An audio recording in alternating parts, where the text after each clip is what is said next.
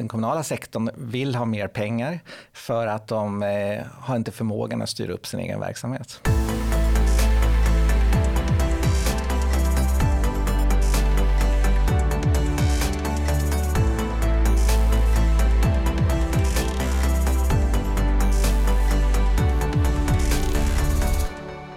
Daniel Källenfors är moderat kommunstyrelseordförande i Lidingö och skrev nyligen artikeln Sänk bidragen till slösaktiga kommuner. Ett ämne som ligger oss på skattebetalarna varmt om hjärtat. Varmt välkommen till Uppskattat Daniel. Tack så mycket. Trevligt att ha dig här. Eh, I din debattartikel i Svenska Dagbladet 11 augusti så kritiserar du Magdalena Anderssons förslag om att automatiskt räkna upp statsbidragen till kommunerna och kallar det direkt skadligt. Men har inte kommunerna nu en tuff situation med ökad inflation, stigande löner och eh, stora utmaningar i välfärden? Jo, kommunen har en väldigt tuff situation, men kommunen har också väldigt mycket resurser, allt för mycket resurser som inte används effektivt.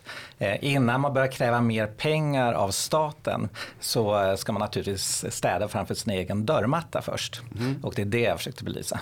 Det tycker jag att du gjorde med den äran. Mm. Eh, Sveriges kommuner och regioner återkommer ju i princip årligen med nya krav på pengar och du kallar kommunerna för eh, lobbyister. Kan du beskriva vad du menar där?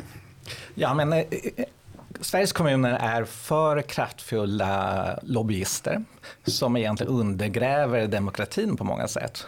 Eh, varje kommun har egentligen en riksdagsledamot i, i riksdagen som representerar dem, eh, som vill bli omvald av sina medlemmar i den kommunen.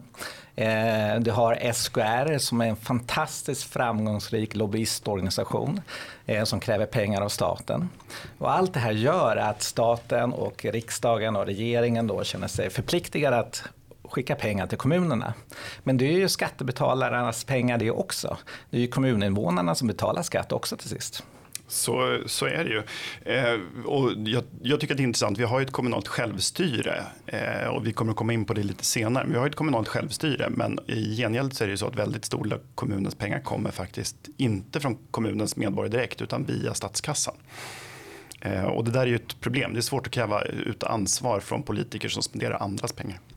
Eh, en sak jag särskilt uppskattar att du lyfter i artikeln är när du tar upp de här gamla fina public choice-teorierna när du konstaterar att folkvalda politiker lokalt ofta är händerna på förvaltning och tjänstemän eh, som inte sällan har ett primärt intresse av att utöka sin egen makt och sin egen, öka sin egen budget. Mm.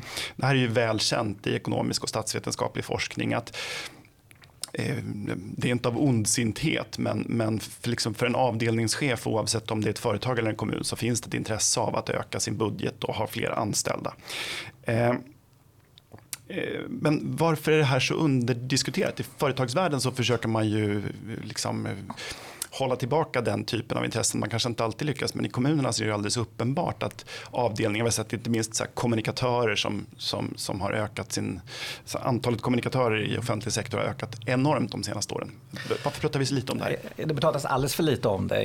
Jag kommer ju från näringslivet och då var det ju allmänt känt att det fanns agentproblem då, som man säger nationalekonomin. Du vill säkerställa att vdn har samma intresse som du och ledningsgruppen. Man har optionsprogram, man har olika eh, incentiveprogram så att alla går i samma takt egentligen för aktieägarnas intressen. Då. I kommunen finns inte det här, det finns liksom inte de finansiella instrumenten. Eh, men det är också så att diskussionen finns knappt. Och, eh, eh, vilket är ett problem. Jag tror att egentligen problemet består av två saker. Det ena är att det faktiskt är folkvalda politiker som styr de här tjänstemännen. Och en politiker blir vald för att han är trevlig eller driver vissa frågor. Han är inte vald för att han egentligen är en bra managementförebild eller en ledare. Utan han är vald av helt andra grunder. Det är en person som medborgarna litar på. Eh, det andra är ju förstås att i en koalition som ofta är en tre, fyra, fem partier ofta, så finns det väldigt mycket motstridiga intressen. Ja, man skriver ihop sig om ett handlingsprogram och vissa principer. Men sen i små sakfrågor så kommer de här skillnadsytorna. Om då, om du säger då, tjänstemännen säger vi måste utöka kommunikationen. Man kan vara helt säker på ett eller två av de här partierna, de här fyra, säger det tycker vi också. Och då blir det liksom väldigt svårt att bromsa upp för det är ändå beroende av varandra i en sån här koalition. Så ledarskapet blir eh, är oerfaret och eh, styrningen är eh, väldigt känslig eftersom det, det är ofta en skör, skör koalition på olika mm. sätt. Ja, och så lägger man till då det faktum att de personer som man som politiker i ledande ställning träffar är då koalitionspartners och tjänstemän i mycket mm. större utsträckning än de medborgare som betalar skatten. Så är det klart att, att hålla sig väl med dem man träffar varje dag ju, kan ju kännas ganska viktigt, angeläget för, för politiker. Ja, det, det, är en, det här bygger också på tjänstemännens lojalitet då förstås, men det är en omöjlig sits, eh, väldigt svår sits naturligtvis om de får en tjänstemannaorganisation som är, som är emot politiken eller är negativt inställd till vissa moment. Det är en väldigt stark position tjänstemännen har och det gör faktiskt att kommunen blir egentligen eh, omöjlig att styra i förlängningen. Mm. Ja, och, och tjänstemännen sitter inte sällan, framför allt jämfört då med folk som är deltidsarvoderade, så sitter ju tjänstemännen på enormt mycket kunskap och makt. Ja, så är det absolut. Mm. Eh, men situationen är i någon mån lite olöslig och det är därför lite grann jag tror kommunen behöver mer en strukturförändring, en mer stadga så att man kommer till rätta med de här problemen. Just det, det kommer inte lösa sig av sig självt. Mm. Eh, och vi ska komma in, du har ju eh, fyra stycken förslag. Va? Du skriver mm. att de här systemet i praktiken är en cocktail av kostnadsdrivande strukturproblem. Det saknas ett inbyggt motstånd mot slöseri och staten måste därför kliva in och strukturellt ändra systemet. Och sen kommer då de här fyra förslagen. Jag tänkte att vi tar dem i tur och ordning. Det första förslaget är att tvinga kommunen att mäta utfall, obligatorisk benchmarking och best practice. Eh, det här påminner väldigt mycket om vårt projekt Sveriges lösa där vi just mm. gör en benchmarking-studie av Sveriges kommuner. Hur tänker du dig att det här skulle fungera i praktiken? Nej, men jag tror att det, att det är väldigt viktigt att jämföra sig med andra kommuner, precis som ni har konstaterat. Och, och, det är något som är väldigt underskattat. När jag kom till eh, politiken för fem år sedan på heltid och insåg att jag kunde titta in alla konkurrenters böcker och se ja. hur de arbetade. Nu kommer jag från bank, jag skulle inte kunna ringa, sitta på Nordea och ringa till SEB och höra hur gör ni med er cash management eller trade finance och hur många anställda har ni? Så det här var en så otrolig tillgång. Jag tänkte det här är ju helt fantastiskt eh, att ha den här informationen. Och sen om man ringde upp dem så ville de gärna berätta mer om hur de jobbade. Det det är en enorm tillgång den här öppenheten som finns i kommunsektorn. Och att inte den tillvaratas tillräckligt bra är, är väldigt sorgligt. Men jag tror precis att egentligen måste man hitta sin eh, jämförelsegrupp och man måste kontinuerligt jämföra sig med dem. Vi ser ofta att det jämförelser med olika kommuner och så vidare. Men man ser ofta också att olika förvaltningar hittar sina favoritjämförelsekommuner så att de framstår som bäst och så vidare. Jag tror att det här måste styras upp och måste liksom genomföras på ett konsekvent sätt. Och det, det borde vara en naturlig del av alla budgetdirektiv och, och eh, bokslut att man jämför sig med kommunen och ser hur man ligger till. Och det handlar inte bara om kostnader utan det handlar om att kostnader kontra kvalitet. Vi såg till exempel, i, nu kommer jag från Lidingö, vi såg att många områden vi har ju sänkt skatten en hel del. Så insåg vi att ja, vi har högre kostnader i vissa områden, men vår kvalitet är inte bättre än Täbys. Vad är det som händer här egentligen? Så det handlar både om kostnad och kvalitet. I vissa fall såg vi här väldigt låga kostnader med hög kvalitet, vilket vi tyckte då var mm. bra moderat ja. politik då förstås. Ja. Men, men man måste se kostnad och kvalitet i ett sammanhang och jag tror det är väldigt viktigt att mäta båda bitarna av det här. Men det är väldigt uppenbart eh, att eh, att rädslan för jämförelse med andra, det intresset finns ju, är ju väldigt lågt. Utan både politiker och tjänstemän har ju som agenda att kommunicera utåt hur bra det går att skriva in i budgetdirektiven, vi är väldigt ineffektiva här eh, och kvaliteten är lite halvdan. Det är ingenting som... Eh, man får inte många kompisar. Man, får inte, man blir inte belönad av medborgarna Nej. precis, eller man blir belönad för att se att på något sätt man tar frågan på allvar, men det är ändå en svår kommunikation att hantera. Ja, jag brukar säga det apropå eh, just jämförelserna på, i företagssektorn, så mm. jag misstänker att de första som köper en ny iPhone Samsung för att se vilka, liksom, för att lära sig av vad de har gjort som är bra. Och det finns ju företag som till och med går så långt så att de gör olagliga saker, det vill säga industrispionage mm. för att ligga jämsides med, med sina konkurrenter. I, I offentlig sektor så går det att lära gratis av varandra och som du säger, man är ju varmt välkommen att titta på hur det går i kommuner som är framgångsrika och ändå görs det i lite för liten utsträckning. Jag tycker att det är oerhört märkligt. Här har vi ju helt öppna böcker. Um, Eh, det där är eh, mycket, mycket, mycket intressant. Eh, vi konstaterar i vår benchmarking-studie att bara på skola och omsorg så skulle Sveriges kommuner kunna spara 30 miljarder kronor och då bara om man blir eh, lika effektiv som den bästa fjärdedelen av kommunen. Det vill säga inte bli den bästa kommunen av alla utan lägga sig så att man är topp 25 procent och det borde inte vara omöjligt.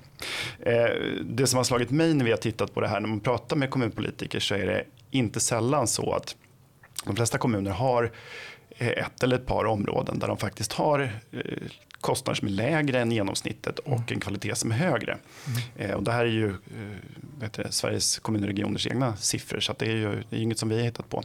Mm. och då är det ofta så att de berättar stolt varför de har hög kvalitet till låg kostnad och det är för att de har jobbat aktivt med det här, sällan ledarskapsfrågor och organisationsfrågor. Och sen när de har områden som fungerar sämre Eh, höga kostnader och låg kvalitet, då beror det alltid på faktorer som nästan är omöjliga att påverka enligt dem själva. Mm. Just i vår kommun så är det omöjligt för vi sitter fast i just det här speciella omständigheter. Ja. Det, är väldigt, det är väldigt intressant. Det följer ett mönster och det gäller, gäller kommuner av olika, eh, olika politisk kulör. Hur jobbar ni i, i Lidingö med de här frågorna?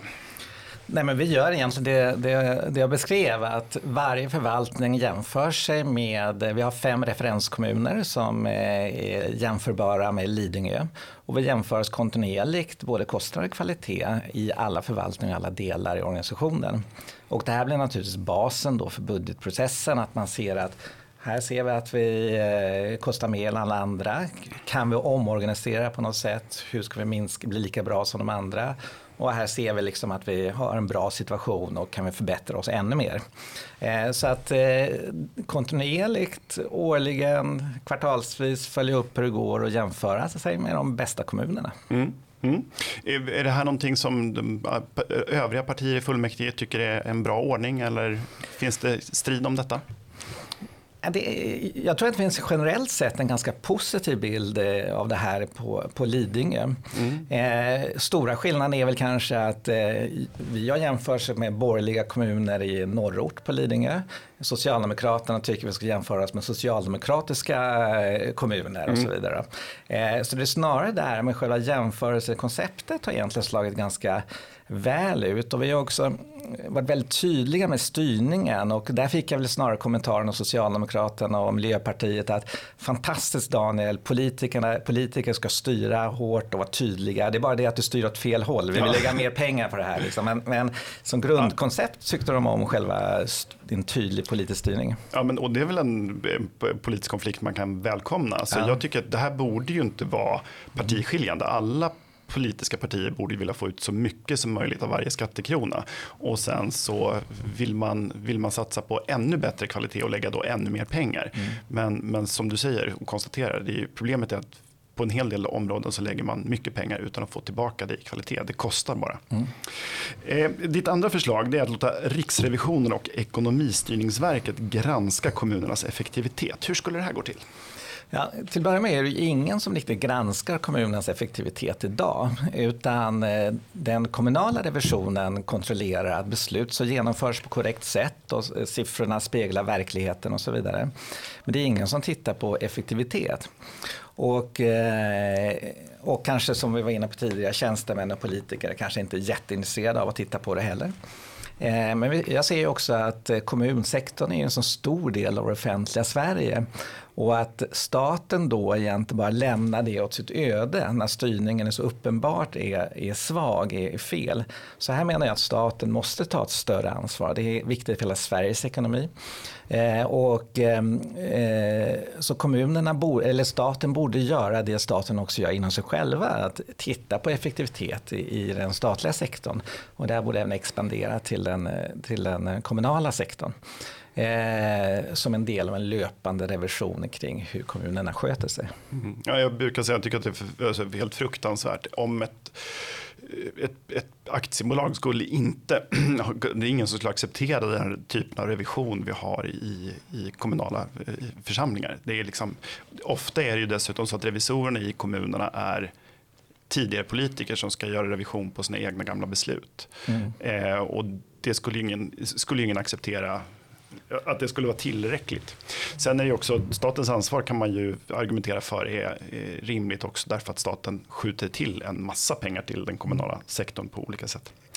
Eh, eh så det, där är mycket angeläget och en fråga som vi också mm. brinner för. Jag är inte säker på, Riksrevisionen gör tycker jag ett jättebra jobb mm. och skulle gärna få ett större mandat. Sen är det frågan om de klarar av det själva eller om man ska bygga en egen liksom, revisionsenhet för bara kommuner och regioner. Men det, blir en ganska mastig verksamhet. det blir en stor verksamhet så mm. det kräver antagligen någon form av strukturförändringar ja. i sättet att jobba det förstås. Men här kommer jag in som du säger på, det är egentligen en av mina, min tredje eller fjärde punkt, var här att om staten nu skickar, skickar massor med pengar till kommuner utan att kontrollera hur de används så är det ju också en form av problem med styrningen. Det är ju faktiskt extremt ansvarslöst av staten att skicka iväg miljarder till kommunerna utan att kontrollera att det används på ett bra sätt. Ja men verkligen. Mm. Och vi har lyft det från vår sida och många kommuner, där är vi eniga med, med SKR att de här riktade statsbidragen som ofta blir ganska små tar mm. massa liksom, tid och kostnader i anspråk för att bara söka pengarna. Mm. Eh, både hos eh, på regeringssidan och på kommunen om man ska äska de här pengarna. Eh, när man specialriktar någon miljard till skolan eller till, till vården eller så. Eh, och det, då är ju generella bidrag bättre men det borde ju följas upp med att man använder pengarna på ett klokt sätt och att mm. kommunerna inte får göra precis vad de vill med, med pengarna. Eh, vi kommer tillbaka till det men ett problem som vi har stött på det är att Många kommuners bokföring är svårgenomtränglig och skiljer sig från kommun till kommun. Eh, jag pratade med en revisor som sa att av Sveriges 290 kommuner så finns det 289 olika sätt att redovisa på. Eh, och det där gör ju våra granskningar svårare att, att genomföra. Man räknar på olika sätt. Borde det också standardiseras? Kanske var en ledande fråga. Ja, nej, men det, det finns mycket att göra i, i bokföringen. Men jag har inte kanske samma översikt inom just det. Men en, en sak som slaget som, är, som lyfts ibland är ju liksom hur man faktiskt ser också på eh, kommunens tillgångar. Mm. Alla dessa miljarder som ligger eh, och, eh, och eh, på något sätt inte används effektivt. Då. Jag tror ofta när jag kom till Lidingö såg vi äger kanske fastigheter för 5-6 miljarder. Eh, och då var bilden, hur går det då? Nej, men det går plus minus noll, så det är inget problem. eh, utan det man äger är gratis i en kommunal ja. sektor, för kapital kostar egentligen ingenting.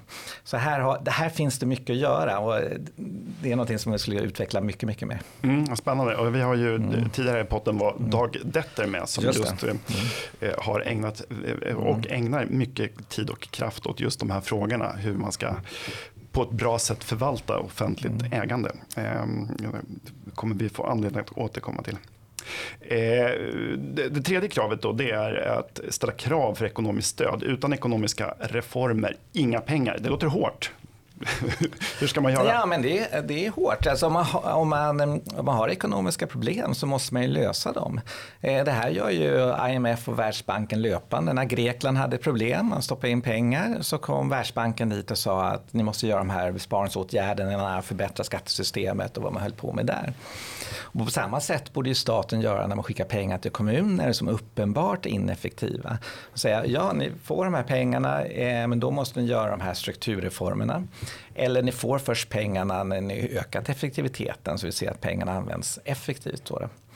För det här är inte bara en kommunal fråga. Man kan säga då det kommunala självstyret finns en bild över att den enskilda kommunen får missköta sig hur mycket som helst. Och det är en omöjlig position att ta när man i praktiken lever till väldigt stor del av statsbidrag.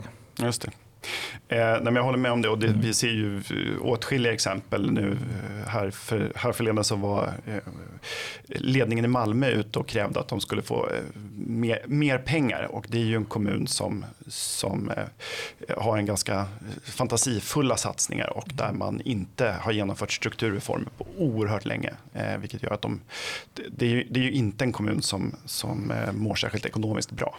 Ja, men där har man ju också lämnat hela det här med vad som är fokus i kärnverksamheten. Det är rosa enhörningar, det är simhallar, det är Eurovisionslagerfestival när man lever på andras bidrag har man skyldighet att ta ansvar för sin situation. De borde lägga all sin tid på att säkerställa att de blir, inte är bidragsberoende i framtiden. Mm. De sitter mitt i Sveriges kanske hetaste region, mitt Öresund, omgiven av högskolor, dynamiskt Danmark och ändå lyckas man inte få till det. Det här är en sån djup inkompetens som finns i Malmö stad så det faktiskt är ofattbart och ett hån mot oss övriga skattebetalare. Ja, jag tycker att det är helt förfärligt. Alltså, mm. Jag blir mörkare. De borde ha alla förutsättningar i Malmö. Mm. Som sagt, de har en bro över till en mm till Köpenhamn som är större än Stockholm. Det borde vara, där borde det hända bra och spännande saker. Det var stor tillväxt, mm. inte vara ett slukhål för skattepengar.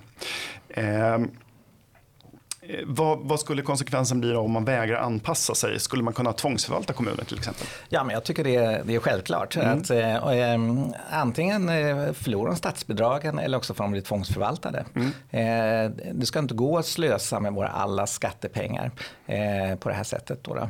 Om det åtminstone var sina egna pengar så kanske en sak. Men, men det här intresset är ett statligt intresse, det är statliga pengar och det är ytterst alla Sveriges medborgare som betalar för den här missmanagement som pågår frågor. Du skriver också i eh, artikeln som sista förslag en effektiviseringsbilaga till statsbudgeten. Du var lite inne på det tidigare. Eh, hur skulle man göra det? Vad, vad skulle en sån innehålla? Nej, men den kunde egentligen gå igenom den offentliga sektorn och beskriva var ineffektiviteten fanns kunde beskriva vilka kommuner som inte fungerar som det ska eller den offentliga sektorn inte fungerar som den ska. Eh, och där handlar det lite grann om att öka medvetandenivån. Att öka, lyfta fram de kommuner som inte finns. Det görs ju fantastiskt bra initiativ. Ni har gjort en hel del här på Skattebetalarnas förening, Skattenytta gör ju sitt mm. och så vidare. Men det här måste, det räcker inte med att ideella organisationer här utan här måste liksom bli en integrerad del av budgeten och diskussionen om vad offentlig sektor är. Och då, då, borde det finnas ett statligt eh, struktur för det. Mm. Ja, jag, jag, håller med. Det är, så, det är så otroligt mycket. Som sagt, det är 290 kommuner och så har vi ett antal regioner ovanpå det. Och det är rätt mastiga, Eh, ett mastigt uppdrag att gå igenom allting i detalj. Så det där skulle vi verkligen behöva en, en, en central, eh, central styrning av. Eh, när man pratar med politiker, eh, inte minst på kommunnivå, så brukar de då istället hänvisa till att ja, men ansvarsutkrävandet sker ju i allmänna val vart fjärde år. Räcker inte det att medborgarna får säga sitt? Nej, det, det räcker inte. Eh, för kommunerna eh, har inte den styrningen som behövs för att eh, vara effektiva och hantera de här statsbidragen på olika sätt. Det finns massor, eh, massor saker en kommun kan göra. Man kan prioritera kärnverksamheten. Man kan eh, ha benchmarker som vi pratar med, fokusera på arbetslinjen och, eh, och upprätthålla en god budgetkultur. Eh, och det kräver sitt jobb och så vidare.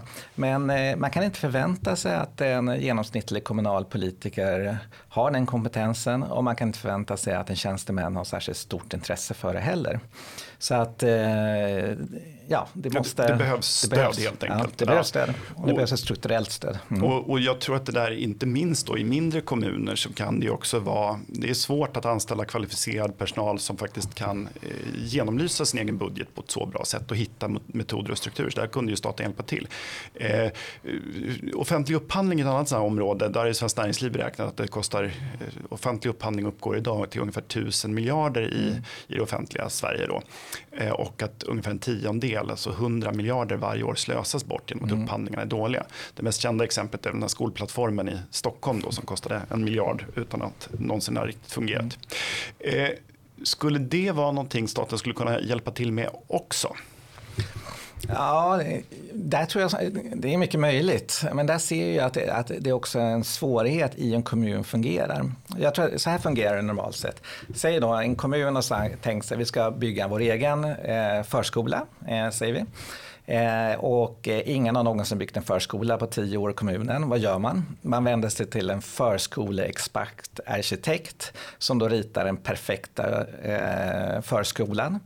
Eh, och eh, då med, liksom, eh, med, med, med färgsprakande violanger och, och musik och gud vet vad. och sedan går man till politiken, säger politiken, ja det här är fantastiskt bra men dessutom ska allting vara byggt med ekologiskt material och det ska vara liksom fantastisk design som passar in i området och så vidare och så vidare så det adderas på. Och sen kommer det här till upphandlingsenheten som säger jaha, det här var en komplex upphandling. Tyvärr finns det bara en enda i hela Sverige som kan leverera på alla de här specifikationerna. Men det här är beställt. Och då vänder man sig till förvaltningen, vill ni verkligen ha det här? Ja, vår expert säger det här och politikerna ville ha det också. Okej, okay, och sen kör man igång. Eh, och sen blir allting 30% dyrare än om, att, om ett privat företag hade gjort det. Mm. Så att, eh, jag tror att här ligger någonting väldigt svårt i liksom själva processen, liksom mm. inuti kommunen som Eh, som är svårt, svårt att riktigt hantera. Så jag tror egentligen inte att staten kan göra så mycket. Man kan säkert göra en del med samordning och lite idéer och allt det här. Då. Men, men jag tror att det är ganska svårt att styra upp från statlig sida. Mm, mm. Och skulle en lösning kunna vara att man helt enkelt har kommuner som är lite mer anorektiska och har lite mindre pengar och så hittar de på mindre tokigheter? ja, men, men, men, men, så är det. Eh, eh, det finns ju ändå ett, ett eh, system i det här då att, att man spenderar ju pengar man, man, man får. Mm. Eh, när jag tillträdde så frågade jag varför är det här så dyrt i kommunen? Ja, men eh, ni gav oss budgetmedel, vi spenderade mm. dem. Ja, men eh, jämfört med ett företag där man faktiskt hela tiden försöker trimma sig och säga men det år gick det lite extra vinst och nu gick det ännu bättre och så vidare. Och då brukar man dela ut det till aktieägarna. Ja, men precis. precis. Men, det, men det systemet finns ju inte i kommunen. Utan varför är det dyrt? Ja, ni gav oss pengar. Ja, ja. Det är på sätt och vis ett ganska bra svar. Men, men då kommer ju bakom den liggande analysen saknas, saknas ju då förstås. Ja. Varför gav de mer pengar? Mm. Ja, jag har mm. pratat med människor till exempel i äldreomsorgen mm. eh, där man har avdelningar som har gått bra. Men för att då inte bli av med del av sin budget nästa år så målar man om liksom, fikarummet och byter möbler där varje år. För att liksom, de, den budget du har fått mm. måste du göra slut på annars får du mindre pengar nästa år. Där, så det är ju inte ett bra sätt att styra sin verksamhet på. Mm. Eh, du har inte bara skrivit en debattartikel utan också en kort handbok för kommunpolitiker för några år sedan där du bland, nämner bland annat en, att en viktig faktor för ett fungerande styre är att man prioriterar kärnverksamhet. Eh, missar folk det här? Alltså, vi har ju en kommunallag som eh, säger att kommuner inte får göra vissa saker. Man får inte driva liksom, konkurrerande näringsverksamhet. Det gör ju kommuner ändå och då finns det inga sanktionsmöjligheter. Mm. Det finns ju kommuner som har blivit fällda för att de gör saker som inte är tillåtna. Men det finns ingen sanktion mot det. Mm. Eh, borde man kunna nypa statsbidrag från kommuner som inte sköter sig? Ja, men det tycker jag om man prioriterar för långt. Mm. Jag tror ofta är det så att, eh, att eh, att kanske politikerna ger förvaltningen väldigt stor frihet att agera. Och precis som du var inne på tidigare så en normal människa vill att sin egen verksamhetsområde ska utvecklas och så vidare. Eh, så att eh, eh, som kommun växer väldigt mycket av sig själv. Alla förvaltningar växer av sig själv så fort de får resurser. De ser nya behov och nya möjligheter. Och ofta är liksom i, med den bästa intentionen. Nu ska mm. ytterligare några gångvägar här eller ytterligare vad man nu tycker är viktigt. Och, ehm, eh, och här krävs det ju då en väldigt tydlig styrning av politiken och säga att det är det här som är viktigt. Det är bra, skolorna ska vara bra, det vill säga det ska vara tryggt, höga betyg och så vidare. Och att man är tydlig med liksom målet med verksamheten. Och jag tror att det väldigt ofta är målen som är ganska otydligt formulerade. Att man säger att vår vision är att medborgarna ska vara lyckliga, trivas mm. i vår kommun. Ja, vad betyder det en enskilda, enskilda tjänstemannens kontor när han ska planera sin verksamhet? Jo, han tyckte att det behövdes mer blommor eller han tyckte att eh, det behövs HR måste coacha personalen bättre så att de blir trevligare eller bättre eller vad det är. Så det här, de här målen är ju väldigt otydliga. Mm. Ja, det är eh, svårt att leva upp till. Och ja. som sagt, med de bästa intentioner. Det är ju eh, i alla fall inte vanligt att folk gör det här av, av elakhet eller liksom så. Utan med de bästa intentioner så slösar man bort andra människors pengar. Mm. Eh, nu är ju Lidingö en ganska välmående kommun. Alltså skiljer inte det sig era förutsättningar? Skiljer inte det från, från kommuner som, jag kommer själv från Flen som väl inte är en, en, eh, en tillväxtkommun på särskilt många sätt. Eh, har inte ni helt andra förutsättningar? Eh, nej, det har vi inte. Det är ju ingen naturlag som gör att Lidingö är tryggt och eh, har bra och Botkyrka och Malmö har problem. Men det är, det är bara en ledningsfråga egentligen. Men det finns två svar på den frågan. Det ena är att eh, ekonomiskt fungerar det så att, att skatteutjämningssystemet gör att det spelar liksom ingen roll var någonstans i Sverige befinner dig. Du blir kompenserade för åldersstrukturer. Om dina medborgare tjänar mer pengar så förlorar du de pengarna omgående. Eh, för Lidingös del, det spelar ingen roll om Lidingöborna är arbetslösa eller jobbar. Eh, för vi får i alla fall oavsett lika mycket pengar av staten, eller staten kommer kompensera oss. Eh, så vi har ju egentligen, för ofta företag kommer till Lidingö, det är jättebra, då kan vi utveckla, vi kan anställa personal och det kan utvecklas och det är bra för din kommunala ekonomi. Mm. Jag säger så här, men det här är fantastiskt bra, det är bra för Sverige, det är mm. bra för samhället, men min, för min ekonomi så spelar det ingen roll. Eh, så att alla har det lika bra.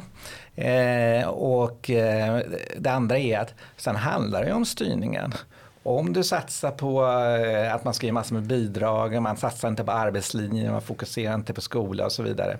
Då, då utvecklas samhället åt fel håll helt mm. enkelt. Är det för mycket så? Borde man, ha en, en, eh, borde man inte få behålla lite mer om man är en välskött kommun? Ja, det, det eh, tycker, tycker vi då förstås att det är liksom en orimlig extra marginalskatt mm. för Lidingöbor som eh, bor på Lidingö där man får väldigt lite av för skatt, den kommunala skatten för en så stor del går till andra kommuner. Eh, på Lidingö är det 12-14 000 eller något sånt där per invånare, rik som fattig, som går till andra kommuner. Som de aldrig ser någon form av värde utav. Då. Så att det här blir en extra marginalskatt för eh, Lidingöbor särskilt som ja, helt enkelt är skadligt för ekonomin som helhet. Mm. Och varför tar du inte tillfället i akt och bygger en, ett stort aktivitetshus eller satsar på en kulturfestival när någon annan ändå betalar?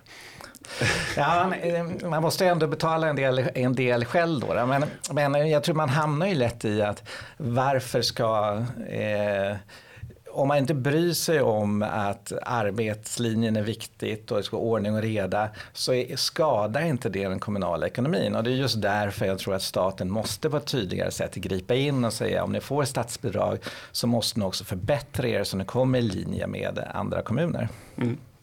Jag brukar lite eh, med, eh, i psykologin så pratar man om såna överslagshandlingar, det vill säga när, huset brinner så börjar man liksom plocka in disken för man vet inte hur man ska hantera liksom branden. Och jag uppfattar nog att en del kommuner, till exempel Malmö, de har rätt stora problem och istället för att adressera de strukturproblem man har så, så gör man en stor festival eller anställer en skateboardsamordnare och hoppas att allting ska lösa sig. Eh, men det man i själva verket borde göra är att plocka fram brandsläckaren.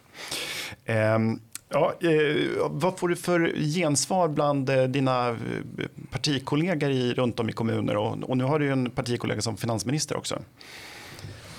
Ja, jag tycker gensvaret är, är ganska positivt. Mm. Jag tror att många ser de här problemen och jag tror att många ser gärna att det skulle vara liksom någon form av strukturell ansats i det här. Då, då.